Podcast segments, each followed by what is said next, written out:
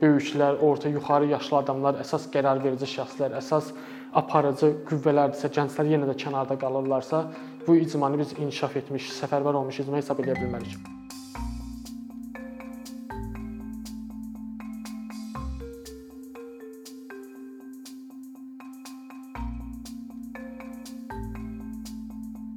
Deməli başlayaq imkanlara əsaslanan icma inkişafı və çatışmazlıqlara əsaslanan icma inkişafından. Dediyim kimi Azərbaycanda əsasən istifadə olunan və ümumiyyətlə bu tək Azərbaycanda yox, qlobal olaraq bu yaxınlara qədər bir neçə 10 il əvvələ qədər ən çox istifadə olunan yanaşma çatışmazlıqlara əsaslanan icma inkişafı idi. Bu nə deməkdir? Yəni imkan icmanın işi başlayarkən ehtiyaclarını və problemlərini müəyyənləşdirirdilər və onun əsasında işin planı qurulurdu. Yəni icma və icmanın qrupları, fərdləri, üzvləri onların ehtiyacları və problemləri ilə assosiasiya edilirdi.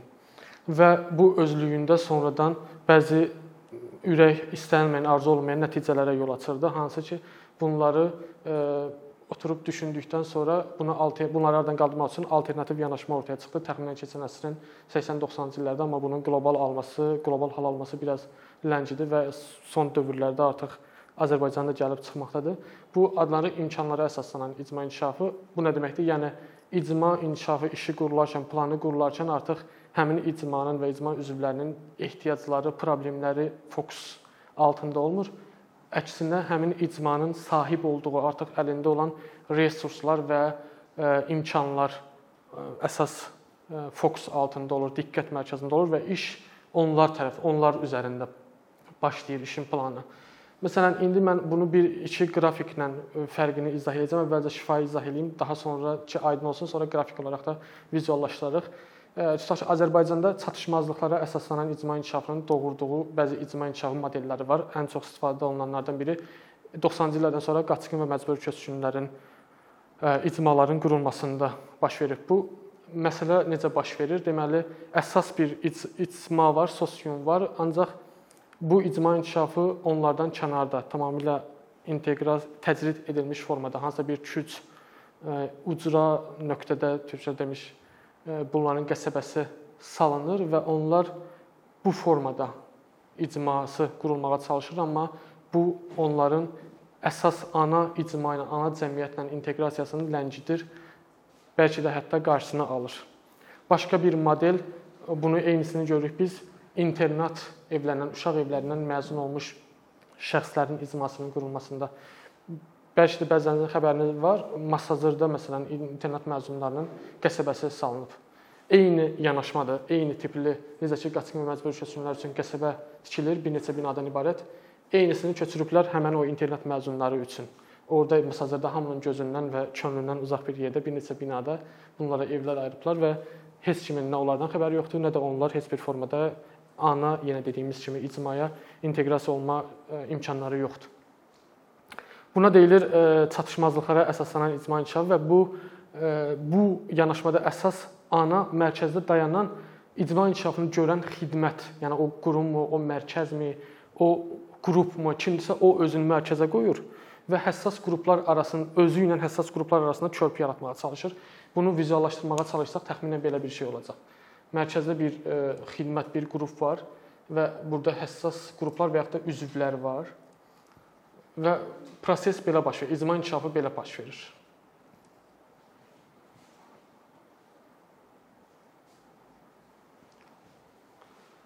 Ancaq nəticədə buradan görürük ki, biz icmalar və həssas qruplar, icma üzvləri və həssas qruplar bir-biri ilə inteqrasiyası baş vermir. Bir-biri ilə e, gediş-gəlişi, e, interaction əlaqəsi baş vermir. Sadəcə özünü bu icma inkişafının işini görən adam, görən qurum, qrup o mərkəzə qoyur və işi belə aparır. Nəticədə ürək arzu olunan iş e, ortaya çıxmır. Ancaq bunun alternativi olaraq dediyimiz kimi bunun başqa bir e, əvvəl ona keçməmişdən əvvəl başqa bir modeli var. Əsasən bunu görürük biz ahılların, yəni yaşlı insanların tənha insanların icmasının e, tənha insanların problemlərinin aradan qalmasının və icmasının inkişafında. Bu necə baş verir? E, ahılları, yəni eyni problemi daşıyan adamları bir araya gətirirlər və onlar üçün nəzərdə tutulmuş layihələr, proqramlar həyata keçirirlər və bu proqramda sadəcə o adamlar, o qrupdan olan adamlar iştirak edirlər. Bu belə ola bilər ki, məsələn, eyni problemi daşıyan, tutaq ki, tənhalığım deyim, yaşlılıqdır deyim, bu problemi yaşayan adamların hamısına bir A ilə işarə edirik və bunları birləşdirirlər, bir araya gətirirlər. Və onlar üçün, sırf onlar üçün nəzərdə tutulmuş və sadəcə onların iştirak etdiyi bir proqram olur. Bu da olur onların icmasının inkişafı.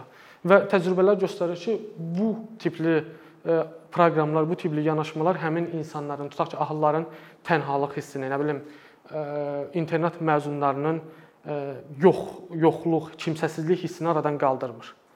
Bunun üçün bunun üçün bu hissin aradan qaldırılması, bu problemin həlli üçün daha yaxşı nəticələr doğuran imkanlara əsaslanan icma inkişafıdır və imkanlara əsaslanan icma inkişafının bundan əsas fərqi odur ki, həmin icma inkişafını həyata keçirən qrup, qurum, varlıq nədirsə özünü çıxardır bu prosesdən və onlar arasında həssas qruplar və digər qruplar arasında əlaqələr yaratmağa çalışır. Və biz vaxtımız olsa toxunacağıq ona ki, çünki icma inkişafında əsas imkanlardan biri connectionlar, yəni əlaqələrdir, icma, sosial əlaqələr. Və buna görə də imkanlara əsaslanan icma inkişafının uğuru həm də burdadır ki, o e, qruplar arasında əlaqələri, sosial əlaqələrin yaratmasında çox uğurludur. Bunu vizuallaşdırsaq necə olacaq?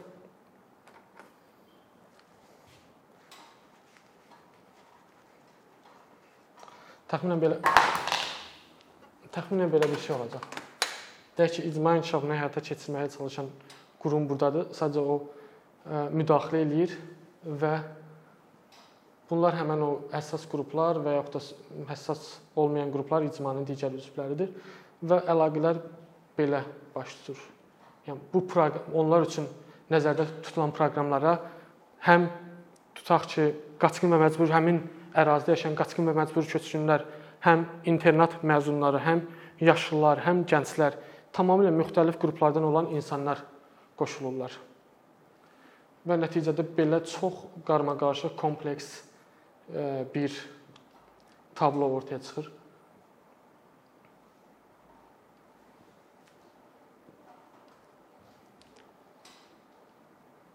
Məsələn.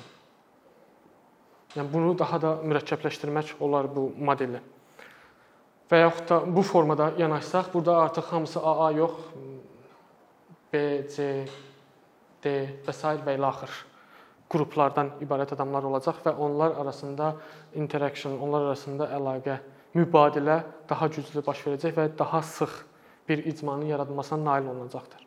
Bunlar əsas icma imkanlara əsaslanan icma inkişafı ilə çatışmazlıqlara əsaslanan icma inkişafını fərqini əsasən belə ifadə etmək olar. Və indi gələk imkanlara əsaslanan icma inkişafında əsas ə, e, imkanlar ə, e, müəyyən edilən, təyin edilən imkanlar nələrdir? Yanaşmada e, yanaşmanın metodunda, nəzəriyyəsində bunlar 5 qrupa bölünürlər.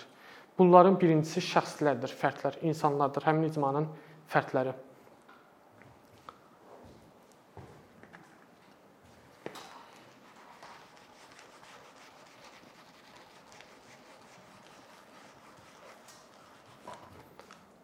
Biz ümumiyyətlə icma inkişafını həyata keçirərsən, keçirərkən yadımızdan hər zaman ağlımızda qalmalı, yadımızdan heç vaxt çatmamalı olduğumuz bir iş odur ki, icmada olan hər kəs ən balacasından 7-dən 77-yə hamının hansısa bir ə, qabiliyyəti, hansısa bir vergiliyi deyək, bacarığımı deyək var və o bizə hansısa mərhələdə bu işin hansısa mərhələsində lazım olacaq.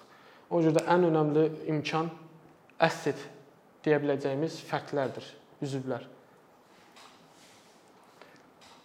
İkinci qrup həmin icmada mövcud olan qeyri-rəsmi könüllü qruplardır. Bunlar hansısa klublar ola bilər, hansısa könüllü e, təşkilatlar ola bilər, assosiasiya ola bilər və yaxud da adi nə bilim bir 3-5 nəfərlik ekoloji aktivistlər ola bilər və s. və ilə axır. E, üçüncüsü rəsmi şəkildə ödənişli formada bir araya gələn qruplardır. Bunlar icmada dövlət qurumları ola bilər. Məsələn, məktəb kollektivi ola bilər və yaxud da rəsmi ödənişli qruplar. Məktəb kollektivi ola bilər və yaxud da bağça kollektivi ola bilər mədəniyyət evinin işçiləri ola bilər. Bizim кейsimizdə məsələn biz əsasən fəaliyyət göstərdiyimiz qəsəbələrdə, qaçqın və məcburi köçkün qəsəbələrində ən çox faydalandığımız JEK-lər var. Mənzil kommunal təsərrüfatı istismar dəqiq açıqlamasını bilmirəm. Onların işçiləri, təxminən onların bir 20-25 nəfərlik kollektiv var və onlar bizə çox dəstək olurlar.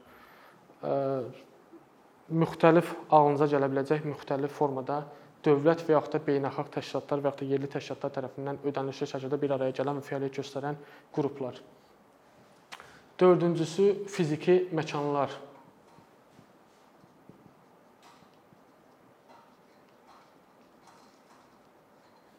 Bunlara artıq məsələn təlimləriniz, fəaliyyətləriniz, tədbirləriniz, konsertləriniz, istənilən formada bir tədbirləriniz üçün istifadə edəcəyiniz məkanlardan söhbət gedir. Məsələn, məktəbin akt zalı ola bilər, e, mədəniyyət evinin böyük zal, konsert zalı ola bilər və yaxud da JEK-in konfrans zalı ola bilər və yaxud da park, açıq park ola bilər. Qəsəbələrdə biz istifadə edirik meydançalar, idman meydançaları ola bilər ki, açıq hava şəraitində siz idman oyunları keçirə bilərsiniz və yaxud da biz istifadə edirik məsələn yoga günləri keçiririk kino günlər keçirə bilərsiniz, məktəb zallarından, o adını çəkdiyimiz zallarda təlimlər keçirə bilərsiniz. Bunlar hamısı icmanın özünə faydalı olacaq, eyni zamanda icma inkişafının işinizdə sizə faydalı olacaq dördüncü qrup imkanlarıdır. Ən sonda isə bəlkə də bunların anasını deyə biləcəyimiz, əsasını təşkil edən o başı deyimiz əlaqələrdir, sosial əlaqələr. İnsanlar arasında, üzvlər arasında, eyni zamanda qurumlar arasında mövcud olan əlaqələr bu əlaqələr, sosial əlaqələr artıq burada məsələn məktəb kollektivin arasında da hansısa bir rəsmi və yaxud da qeyri-rəsmi əlaqə var. Amma burada sadəcə bu rəsmi əlaqələrdən söhbət getmir. Məsələn, dost, tanışlar var, nə bilim, gənc oğlanlar var ki, bunlar dostlar və öz aralarında sıx əlaqələr var və yaxud da gənc qızlar qrupu var ki, bunlar öz aralarında əlaqədə möhkəm əlaqəsi var, amma bunlar heç bir formada hansısa qrup halında hansısa bir fəaliyyətlə məşğul deyillər. Sadəcə dost tanışdılar. Və hətta qohum əqrəba əlaqələri ola bilər, qonaq əlaqələri ola bilər və s. və ilə axır. Bu sosial əlaqələr nə qədər sıx olarsa, o icmada bir o qədər etibar, inam güclü olar və nəticədə siz bundan bir bir o qədər də fayda əldə edərsiniz öz işiniz üçün. Çünki inam icma inkişafında açar sözlərdən biri, biri əlaqədirsə, biri də inamdır. Bu insanlar arasındakı inamdan gedir, bir-birinə inamdan. Bir də siz kənardan bir qrup olaraq gəlmisiniz bir icmanın inkişafına. O icmadan özünüzə nə qədər inam qazansanız, nə qədər güclü inandıra bilsəniz onları sizdə ki, siz həqiqətən də onlara kömək eləmək üçün, onlara fayda vermək üçün və siz səmimi niyyətlə burdasınız, bir o qədər istədiyiniz, arzu olunan nəticəni əldə edəcəksiniz. Bunlar imkanlara əsaslanan icma inkişafında sadaladığımız 5 qrup 5 qrup imkanlardır. Bizə e, növbəti sual budur ki, biz bu imkanları necə tanımalıyıq, niyə tanımalıyıq və necə istifadə edə bilərik? İmkanları tanımaq birincisi onun üçün önəmlidir ki, e, icma inkişafında bizim praktikamızda əsasən belə ki, ya dövlət ya da beynəlxalq və ya da yerli təşkilatlar tərəfindən hansısa donorluq, sponsorluq edilir və bunun nəticəsində biz o icmanın icmanın inkişafının fəaliyyətindən qururuq. Ancaq bu kənardan olan donorlar e, qrantlar heç zaman əbədi olmur və heç zaman da hər istədiyinizə yetmir. Bu imkanları bilmək bizə lazımdır ki, nə nə qədər ki sizin icma daxilindən o işi görmək imkanınız var, onda o qrantları həm istifadə etməyə bilərsiniz və yaxud da daha icma daxilində qarşısını qarşılığını verə bilməyəcəyiniz tədbirlərə yönləndirə bilərsiniz. Məsələn, sizin o icmada pulsuz istifadə edəcəyiniz bir təlim zalı varsa, artıq o təlim üçün pul verib, o kənardan gələn qrantla pul verib təlim zalı tutmağa ehtiyacınız olmayacaq.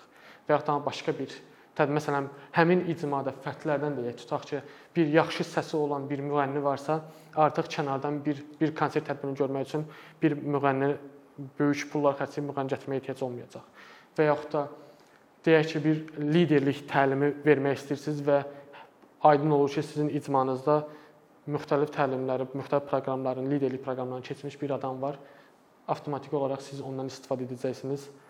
Daha ucuzsa başa gələ bilər və yaxud da adam könüllü ola bilər. Ümumiyyətlə pulsa başa gələ bilər. Nəinki böyük pullar xərcləyib, böyük resurslar xərcləyib kənardan bir ə, adam gətirməyə. Yəni bizə bunu imkanları tanımaq birincisi bunun üçün lazımdır. İkincisi onun üçün lazımdır ki, imkanları tanımaq icmanı tanımaq deməkdir. Baxın, burada 5 qrupun hamısını ümumilikdə götürsək, icma ilə bağlı hər şeyi əhatə eləyir. Fərdlərin nəyə sahib olduğu, nəyə qabil olduğu, nəyə bacardığını əhatə eləyir. Qurumların nə hansı resurslara sahib olduğunu əhatə eləyir, hansı məkanların olduğunu əhatə eləyir və kimin kimlə hansı formada əlaqəsi var, hər şeyi əhatə eləyir. Yəni artıq siz imkanları bilməyiniz sizin o icmanı tanımağınız deməkdir. Və bir icma səfərbərçisi və yaxud da icma inkişafı işi ilə məşğul olan adam nə qədər icmasını, yəni icmasını deyəndə o işi gördüyü icmasını nə qədər tanıyırsa, bir o qədər o işdə uğurlu olacaq. Siz nə qədər iş gördüyünüz icmadan uzaq qalacaqsınızsa, tanımayacaqsınızsa, bir o qədər uğursuzluğa daha yaxın olacaqsınız. Yəni birinci işiniz icmanı tanımaq olmalıdır. O da icmanın resurslarını, həm də icmanın resurslarını, imkanlarını tanımaqdan gedir. Burada sual ortaya çıxır ki, biz icmanı, nəticə etibarilə icmanın imkanlarını, resurslarını necə tanıya bilərik? Bunların müxtəlif yolları var. Birinci yol ondan ibarətdir ki, siz e, surveylər dediyimiz sorğular keçirdə bilərsiniz. Və sorğularda sizin sual qoyma taktikalarınız olmalıdır. Bunun bunun həm akademik nəzəriyyələri var ki, siz sorğuları, sualları necə qoyarsınız ki, daha yaxşı istədiyiniz cavabları əldə edə bilərsiniz. Başqa forması müsahibələr götürməkdir. Həmin icmada olan bəlli şəxslər var ki, bunlar nüfuz nöqtəli nüfuz mərkəzləri olan insanlar ola bilər və yaxud da ayrı-ayrı qrupları, məsələn, yaşlıları təmsil edən bir neçə adam ola bilər, gəncləri təmsil edən bir neçə adam ola bilər, dövlət işçilərini təmsil edən bir neçə adam ola bilər. Yəni hamıdan yox. Ümumi icmanın əhalisinin sayına nisbətdə onun faiz göstəriciləri var ki, bu neçə min nəfərə, neçə nəfərdən müsahibə göstərsə, sizə effektiv və dolğun nəticə verər. Müsahibələr götürə bilərsiniz. Başqa metod fokus qrup görüşləri deyilən metoddur. Bu nədən ibarətdir? Eyni və yaxın maraq dairəsinə və yaxud da sosial statusa yaxın insanları siz bir araya gətirirsiniz. Bu əsasən ən ideal rəqəm 10-12 deyilir əsasən. Necə ola bilər? Məsələn, dövlət işçilərindən ibarət qruplar ola bilər. Yenə dediyim kimi, yaşlılardan ibarət qruplar ola bilər, işsizlərdən ibarət qruplar ola bilər həmin icmada. Bu 10-12 nəfəri bir araya gətirirsiniz və siz moderator olaraq əvvəlcədən sizin əlinizdə hazır suallar olur Bu sualları siz sadəcə müzakirə açırsınız. Bu sualları ortaya atırsınız və həmin qrupla birlikdə bu sualların üzərində müzakirə keçirirsiniz və qeydlərinizi götürürsünüz. Çünki daha sonra sizə lazım olur oradan əldə edilən nəticələr. Başqa bir metod, çox uğurlu metod ondan ibarətdir ki, coaching deyilən anlayış var. Artıq burada bu nə müsahibədir, nə anket, sorğu deyil. Coaching nədir? Siz birbaşa fərdlə sessiyaya girirsiniz və suallar verirsiniz, ardıcıl suallar verirsiniz ki, həmin fərdin həm bacarıqlarını, həm ehtiyaclarını müəyyənləşdirəsiniz. Mən onu deyim ki, bir fərdin, ümumiyyətlə bir insanın bacarıqlarını və ehtiyaclarını müəyyən etməyin ən ən yaxşı və ideal yolu soruşmaqdır.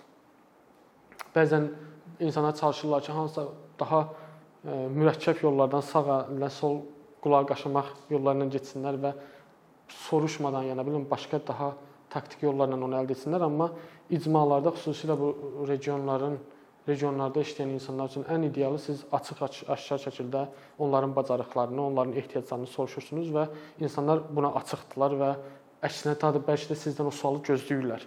Ki soruşasınız, insan desin nəyə bacarır, hansı nəyə qabildir, eyni zamanda nəyə ehtiyacı var. Baxın, bu icmanın imkanlarını tanımaqda bizim həm icmanın imkanlarını bilmək, həm də icmanın ehtiyaclarını öyrənməyə ehtiyacımız var. Bizə lazımdır. Nəyə görə? Siz daha sonra bu imkanlarla bu ehtiyacları uzlaşdıra bilərsiniz. Məsələn, bir adam deyər ki, mən ingilis dili müəllim, ingilis dilini oxumuşam. Başqa bir 10 nəfər deyər ki, mən ingilis dili öyrənmək istəyirəm. Və artıq avtomatik siz öz planınızda quranda siz bizə bəllidir ki, okay, bu icmada mənim ingilis dili öyrənməyə ehtiyac olan adamlarım var və bu tərəfdə bu əlimdə mənim ingilis dili təhsil olan və ingilis dili tədris edə biləcək adamım var. Və nəticə etibarilə siz ideal icma imkanından istifadənin ideal nümunəsini ortaya qoya bilərsiniz. İcmanı tanımaq bunun üçün də lazımdır. İcmanın imkanlarını tanımaq həm də. İcmanın imkanlarından müxtəlif formada dediyim az öncə istifadəsinə az öncə dediyim bir nümunə çox yaxşı bir nümunədir. Başqa nümunə icmanın imkanlarından necə istifadə edə bilərik? Biz pul qazana bilərik. Yəni özümüz üçün yox, icma üçün pul qazana bilərik. Hansısa imkanlarını müəyyənləşdirərik. Məsələn, gördüyümüz Alman Beynəlxalq Əməkdaşlıq Cəmiyyətinin adını çəkdiyim Cənubi Qafqazda az təminatlı ailələrin və qaçqın və məcburi köçkünlərin sosial və iqtisadi inkişafı layihəsi çərçivəsində biz icmanın imkanlarından mövcud imkanlardan əlavə yeni imkanlar yaratmışıq. Məsələn, bu imkanlar nədir? Artıq bizim icmalarımızda kooperativlər var. Yəni hansısa bir dərziliklə, toxuculuqla və yaxud da əkinçi ilə məşğul olan kooperativlərimiz var. Bu artıq həmin icmanın yeni yaradılmış imkanıdır. Və biz bu imkanı ictimailəşdirərək Bakıda və yaxud da regionlarda ictimailəşdirərək onların bazara çıxışını və nəticə etibarilə icmanın pul qazanmasını şərait yaradırıq. Və icmanın inkişafını, icmanın imkanını, bu imkanı bilmək bizə eyni zamanda o icmanın üzvlərinə qazandırmaq, maddi olaraq qazandırmaq imkanı da verir. Bu da icma imkanlarından istifadə etmənin başqa bir yolu, üsuludur. Mən indi keçəcəm artıq icmanın e, imkanlarından istifadə üçün iştirakçılıq və icma liderlərinin icma iştirakçılığın təmin edilməsi və icma liderlərinin ortaya çıxarılması e, mövzusuna. Bunlar ikisi imkanlara əsaslanan icma inkişafında çox önəmli faktorlardır. İştirakçılıq nədir? İştirakçılıq odur ki, sizin fəaliyyət göstərdiyiniz, inkişafına nail olmağa çalışdığınız icmada müxtəlif qruplar, deyə demək olar ki, bütün qrupların iştirakçılığını, sizin addımlarınızda, fəaliyyətinizdə, tədbirlərinizdə iştirakçılığını təmin olmaq, təmin etməkdir. Burada iştirakçılıqda önəmli faktorlardan biri inklüzivlikdir.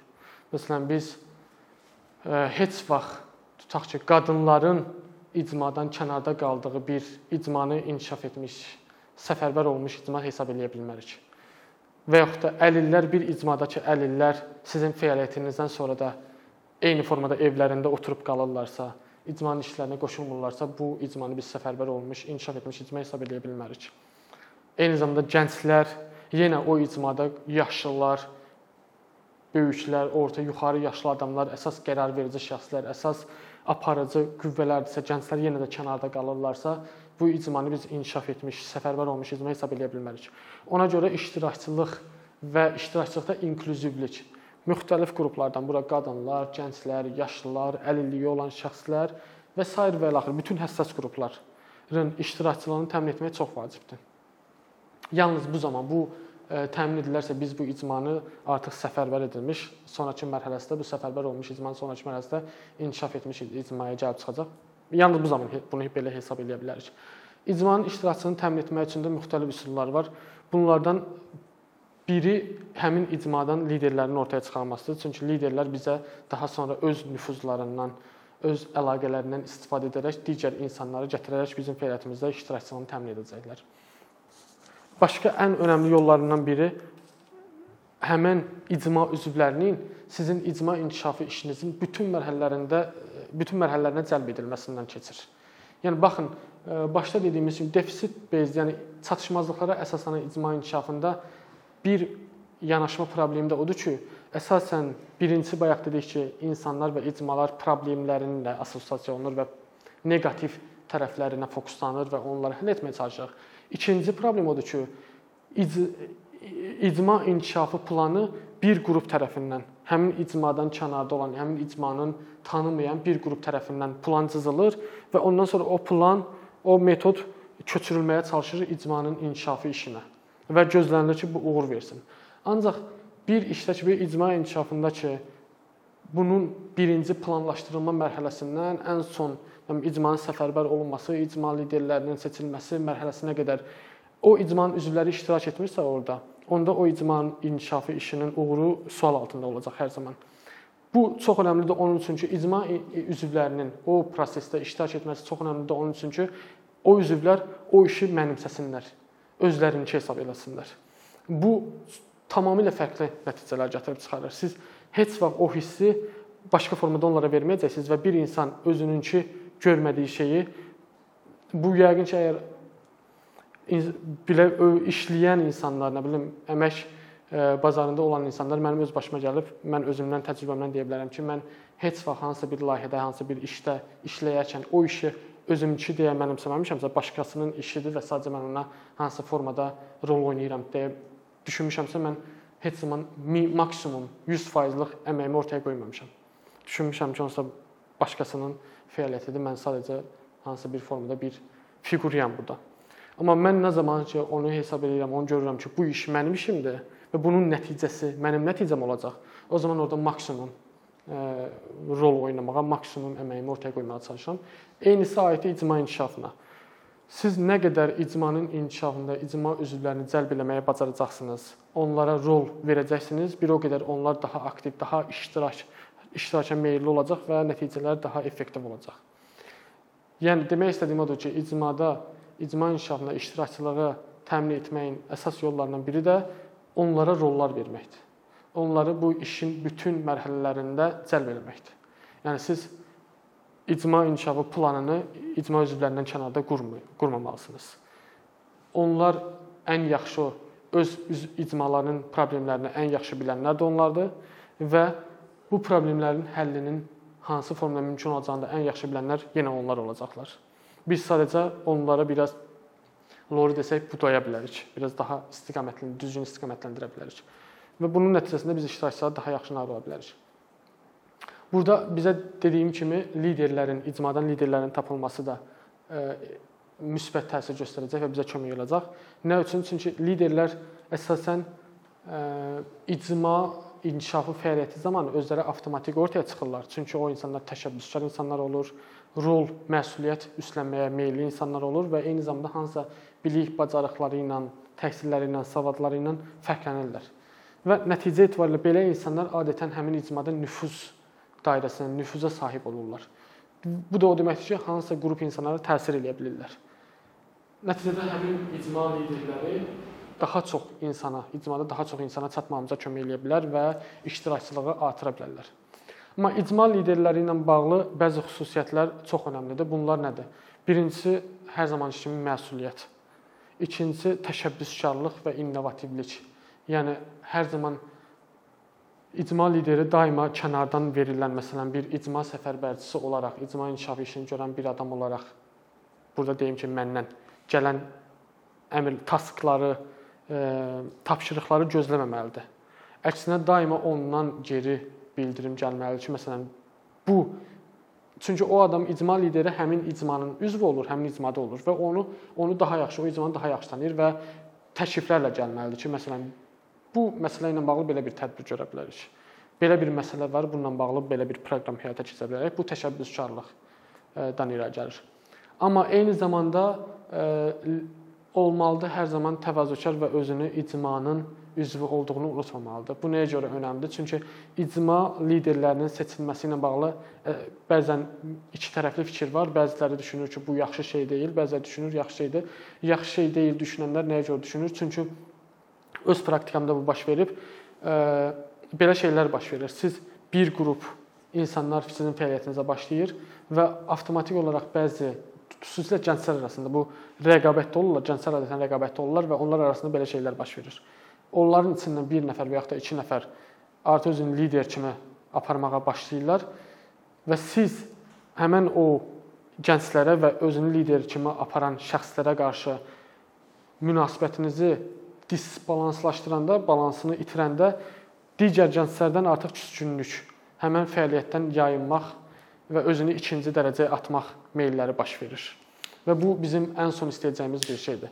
Çünki bizim iş, əsas məqsədimiz iştirakçılığı tam şəkildə davam etdirməkdir. Buna görə də liderlər özlərini artıq avtomatik icmadan lider seçilən kimi icmadan uzaqlaşdırmamalı, əksinə daha da e, daha da icmanın içində özlərini aparmalıdırlar. Yəni lider nədir? Lider e, müəyyən bir məsələ ətrafında həmin icmanı səfərbər etməyə qabildirsə, səfərbər edirsə, artıq bu icmanın liderinin xüsusiyyətidir. Yəni bizə lazımdır icmadan uzaqlaşan hansısa bir təhsilinə, bacarığına, qabiliyyətinə görə özünü icmadan ayıran, uzaqlaşan bir şəxs yox, təhsili, bacarığı, qabiliyyəti nəticəsində həmin o icma üzvlərini səfərbər edən şəxslər lazımdır, liderlər lazımdır. Bu da icmada iştirakçılıq və liderlik. Mən mövzum bitdi demək olar.